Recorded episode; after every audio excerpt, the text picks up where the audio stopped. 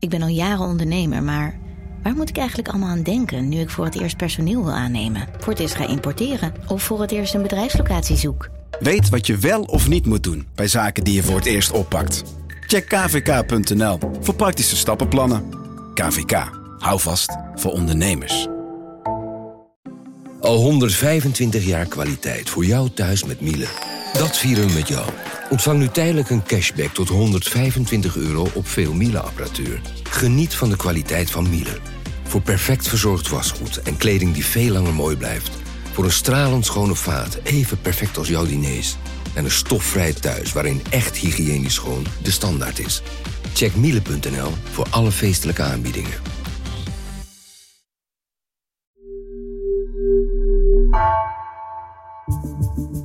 Vanaf de redactie van NRC het verhaal van vandaag.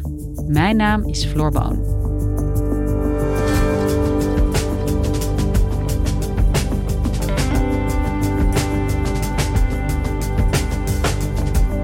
De populaire Italiaanse premier Mario Draghi, factor van stabiliteit in Italië en Europa, heeft zijn ontslag aangeboden. Het brengt Italië in een diepe politieke crisis. De president weigerde zijn ontslag en stuurde Draghi naar huis met de opdracht om te kijken wat er te redden valt. Correspondent Ine Rooks legt uit wat er speelt en kijkt vooruit. Wat is er te verwachten van Draghi's toespraak vandaag in het parlement?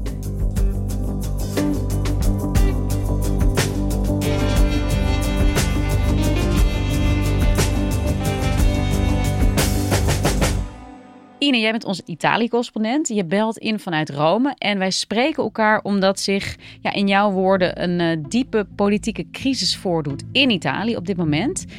Wat is er precies aan de hand? Ja, klopt. De populaire en internationaal gerespecteerde premier van Italië, Mario Draghi, die heeft donderdag gezegd dat hij opstapt. Hij heeft zijn ontslag aangeboden omdat er volgens hem een vertrouwensbreuk is nadat een belangrijke regeringspartner, de Vijf Sterrenbeweging, had geweigerd, niet was komen opdagen bij een cruciale stemming over een steunpakket waaraan ook een vertrouwensstemming was gekoppeld. Dus de vertrouwensstemming heeft hij wel gewonnen, maar het is inderdaad een politiek feit, zoals hij het zelf zegt. Als een belangrijke regeringspartner niet komt opdagen bij een cruciale stemming over een miljarden steunpakket en zegt wij stemmen niet mee, het is moeilijk om nog eh, de dag erna aan de ministerraad te zeggen niks is gebeurd en alle neuzen staan nog in dezelfde richting. Dus zei Draghi, wij hebben geen regering van nationale eenheid meer, hier stopt het voor mij. Passa la fiducia al governo Draghi ma senza il voto del Movimento 5 Stelle, quanto basta per Draghi per pensare alle dimissioni. Dopo un'ora di colloquio con Mattarella le annuncia in Consiglio dei Ministri. Ja, dit is meteen Italiaanse complexe politiek. Kun jij ons een beetje wegwijs maken in wat zich hier allemaal afspeelt, wat hierachter zit? Ja, dan moet ik misschien even vertellen over de manier waarop Mario Draghi aan het roer kwam vorig jaar in februari. Hij kreeg toen de vraag van het staatshoofd, van uh, Sergio Mattarella, om een eenheidsregering te leiden die uh, zou, zou wegleiden, zou helpen bij de heropbouw economisch dan na de COVID-pandemie. Zoals je weet heeft hij er menselijk enorm uh, ingehakt in Italië, maar ook op uh, economisch vlak. En dus Draghi is aangesteld met die reden om de hervormingen te leiden die Europa nodig acht om een hele grote schijf geld vrij te maken in heropbouwgeld. Ja, en waarom heeft de Vijfsterrenbeweging dit gedaan? Waarom wilden ze niet meestemmen? Wat, wat schuilt daarachter? Heel concreet, vorige week ging het om een afval energiecentrale die de stad Rome graag wil en die dat decreet waarover gestemd zou worden mogelijk zou maken. En de Vijfsterrenbeweging zegt daarom ecologische redenen tegen te zijn. Maar eigenlijk voeren ze al een hele tijd obstructie. Waarom? Omdat in elk geval volgende lente Italië naar de stembus moet. Dus zelfs al zouden er nu geen vervoegde verkiezingen komen. Dus uh, de campagnemodus, de campagne is aan het losbreken. En Vijf Sterren wil wil een eigen identiteit weer zoeken. Want ze hebben heel veel aan populariteit ingebonden in de, in de peilingen. Dus een partij als Vijf Sterren en ook een partij als Lega zijn vanuit die meerderheid van Draghi zich de laatste tijd ook steeds vaker aan het gedragen geweest als een oppositiepartij.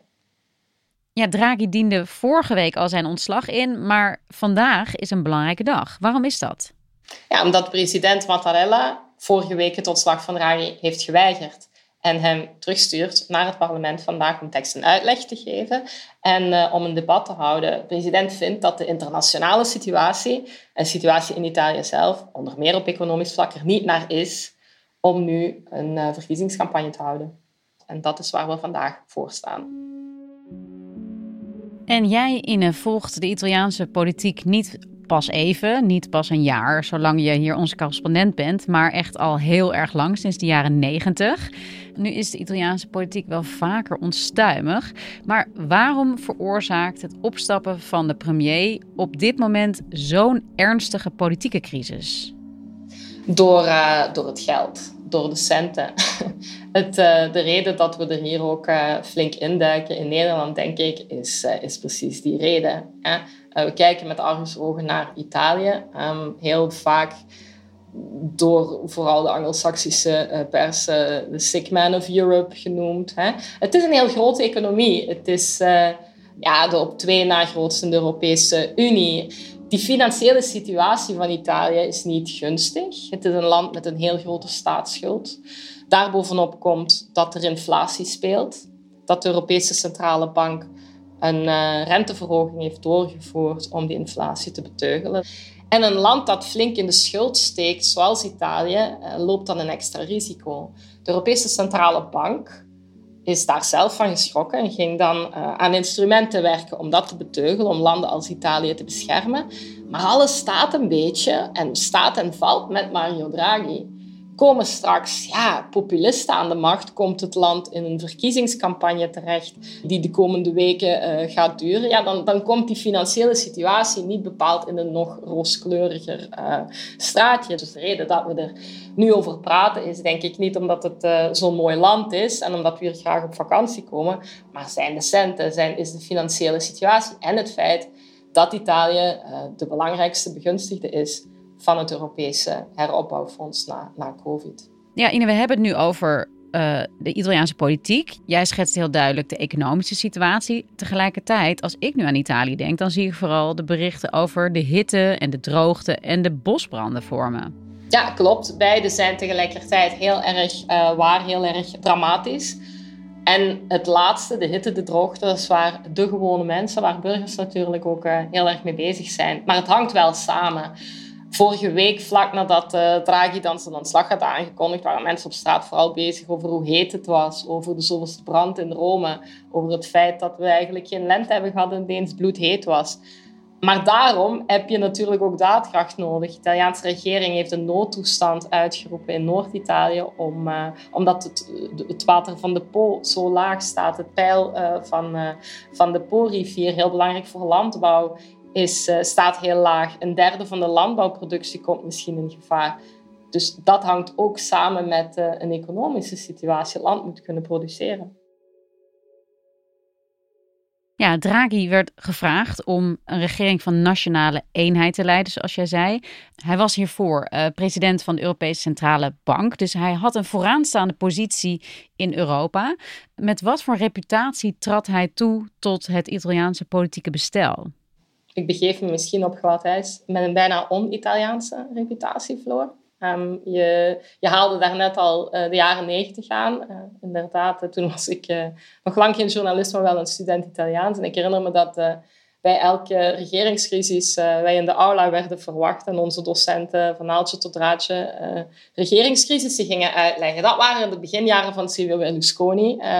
ons ook nog wel heel bekend. Tot toen was de Italiaanse politiek eigenlijk best stabiel. De partijpolitiek was stabiel. Daarna is het misgegaan na een heel uh, grootschalig omkoopschandaal.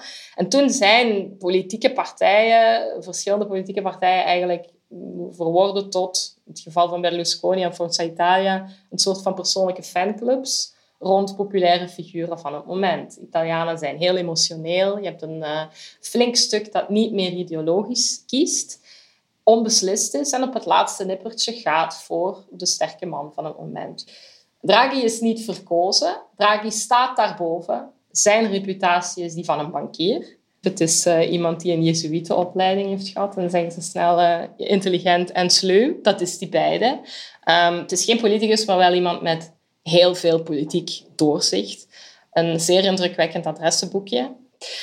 Dus het is iemand uh, die nu ook uh, geldt als een van de vertrouwenspersonen van Ursula von der Leyen, uh, Europese Commissievoorzitter, die ja, aan hem heeft gevraagd om met Amerika te onderhandelen over strafmaatregelen tegen de Russische centrale bank toen Rusland Oekraïne binnenviel. Het is iemand met een gigantisch politiek gewicht. Niet alleen in Italië, maar ver daarbuiten. In Italië is hij vooral gekend als bankier en als voormalige gouverneur van de Italiaanse centrale bank. Hij is een technocraat, geen verkozen politicus. Zijn reputatie overstijgt Rome uh, heel erg.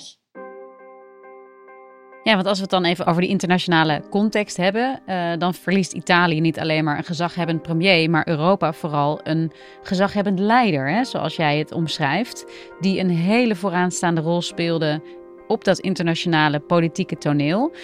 Wat betekent dat dan nu dat hij vertrekt? Wat betekent dat voor Europa? Laten we nog even met twee woorden spreken. Um, it ain't over till the fat lady sings. We weten nog niet of hij zijn ontslagaanbod zal herhalen.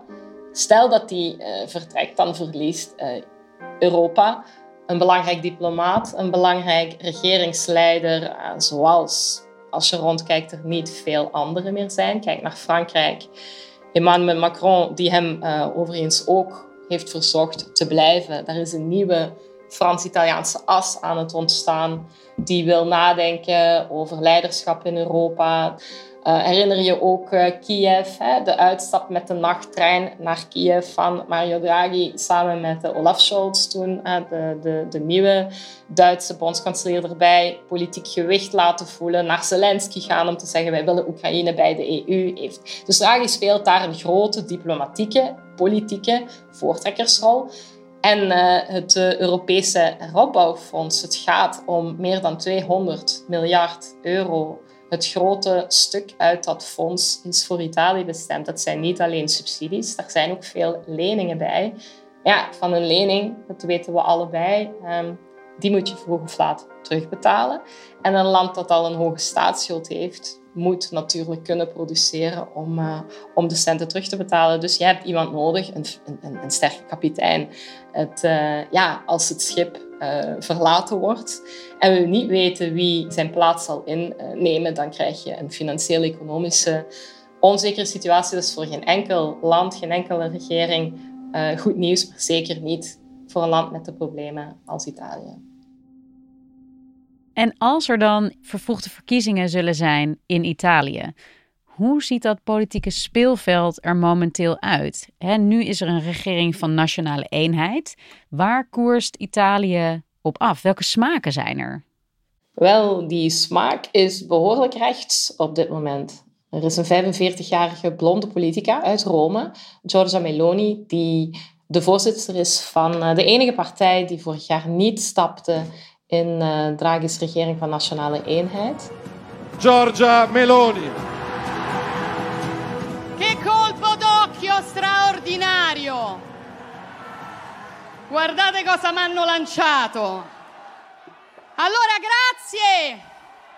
De partij van Meloni heet Fratelli d'Italia, uh, Broeders van Italië. Een partij die duidelijk postfascistisch is, flink de wortels heeft in de ideologie van uh, Benito Mussolini. En in de peilingen op dit moment goed garen lijkt te spinnen bij de regeringscrisis.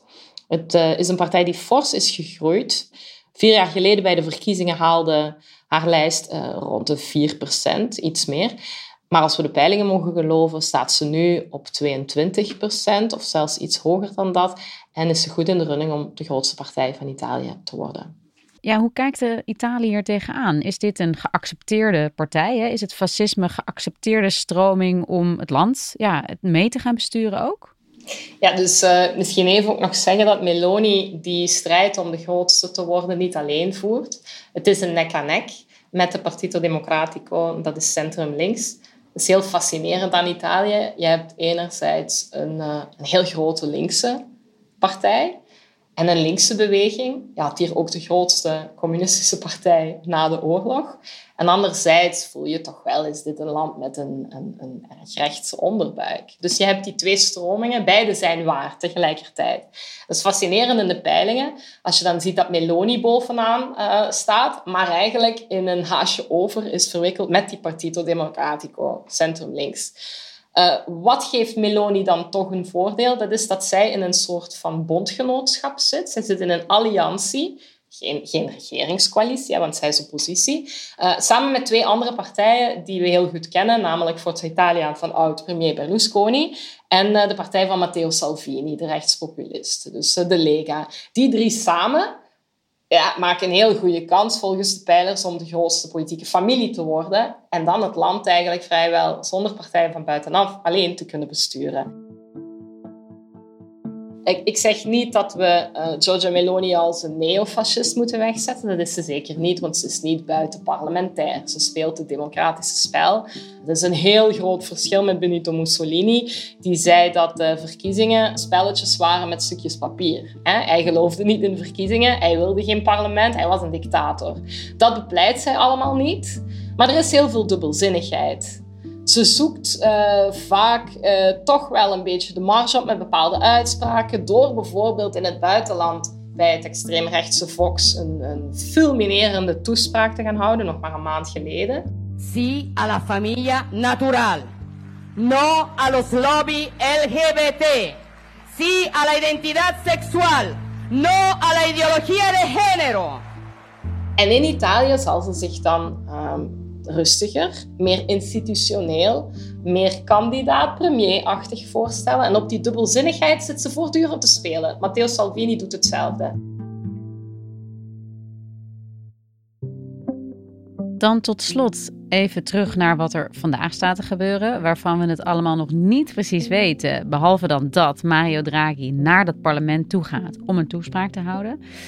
Um, ja, durf jij toch iets te zeggen over de verwachtingen die daarover bestaan? Wel, wat vaststaat is dat dit een razend spannende dag wordt in uh, politiek Italië. We weten dat Mario Draghi sinds dat ontslagaanbod, dat mij echt wel gemeend leek en geen tactische zet. We weten dat hij sindsdien onder extreme druk is geplaatst om toch te blijven vanuit binnen- en buitenland. En dat gecombineerd met de complexe economische situatie en de vele uitdagingen en het internationale conflict natuurlijk dat speelt, de oorlog, zou een barst hebben veroorzaakt in de vastberadenheid van Draghi om op te stappen. Vandaag zullen we moeten zien hoe de politieke partijen zich zullen gedragen in dat parlement. Niet alleen vijf sterren, maar ook de rechterzijde die, die baat zou hebben bij vervroegde verkiezingen, omdat ze die mogelijk heel makkelijk kunnen, kunnen winnen. Natuurlijk, als rechts dan vervroegde verkiezingen zou winnen, dan erven ze wel een zeer complexe situatie. En misschien is die winst dan wel een vergiftigd geschenk op dit moment. Uh, afwachten vandaag welke afwegingen de rechterzijde maakt, vijf sterren maakt en hoe Mario Draghi daarna zijn conclusie trekt. Kortom, uh, hopelijk weten we later vandaag meer wat betreft de ontknoping van deze spannende politieke thriller in Rome. Dankjewel, Ina. Graag gedaan.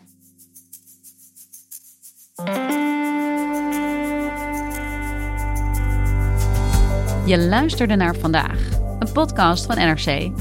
Eén verhaal, elke dag. Deze aflevering werd gemaakt door Els van Driel, Anna Korterink en Marco Raaphorst. Dit was vandaag. Morgen weer.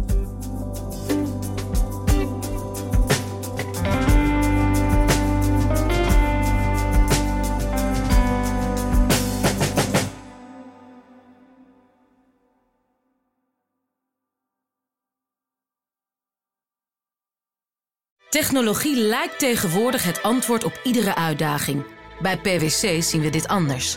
Als we de potentie van technologie willen benutten, kunnen we niet zonder een menselijk perspectief. Human-led, tech-powered noemen we dat. Ga naar pwc.nl.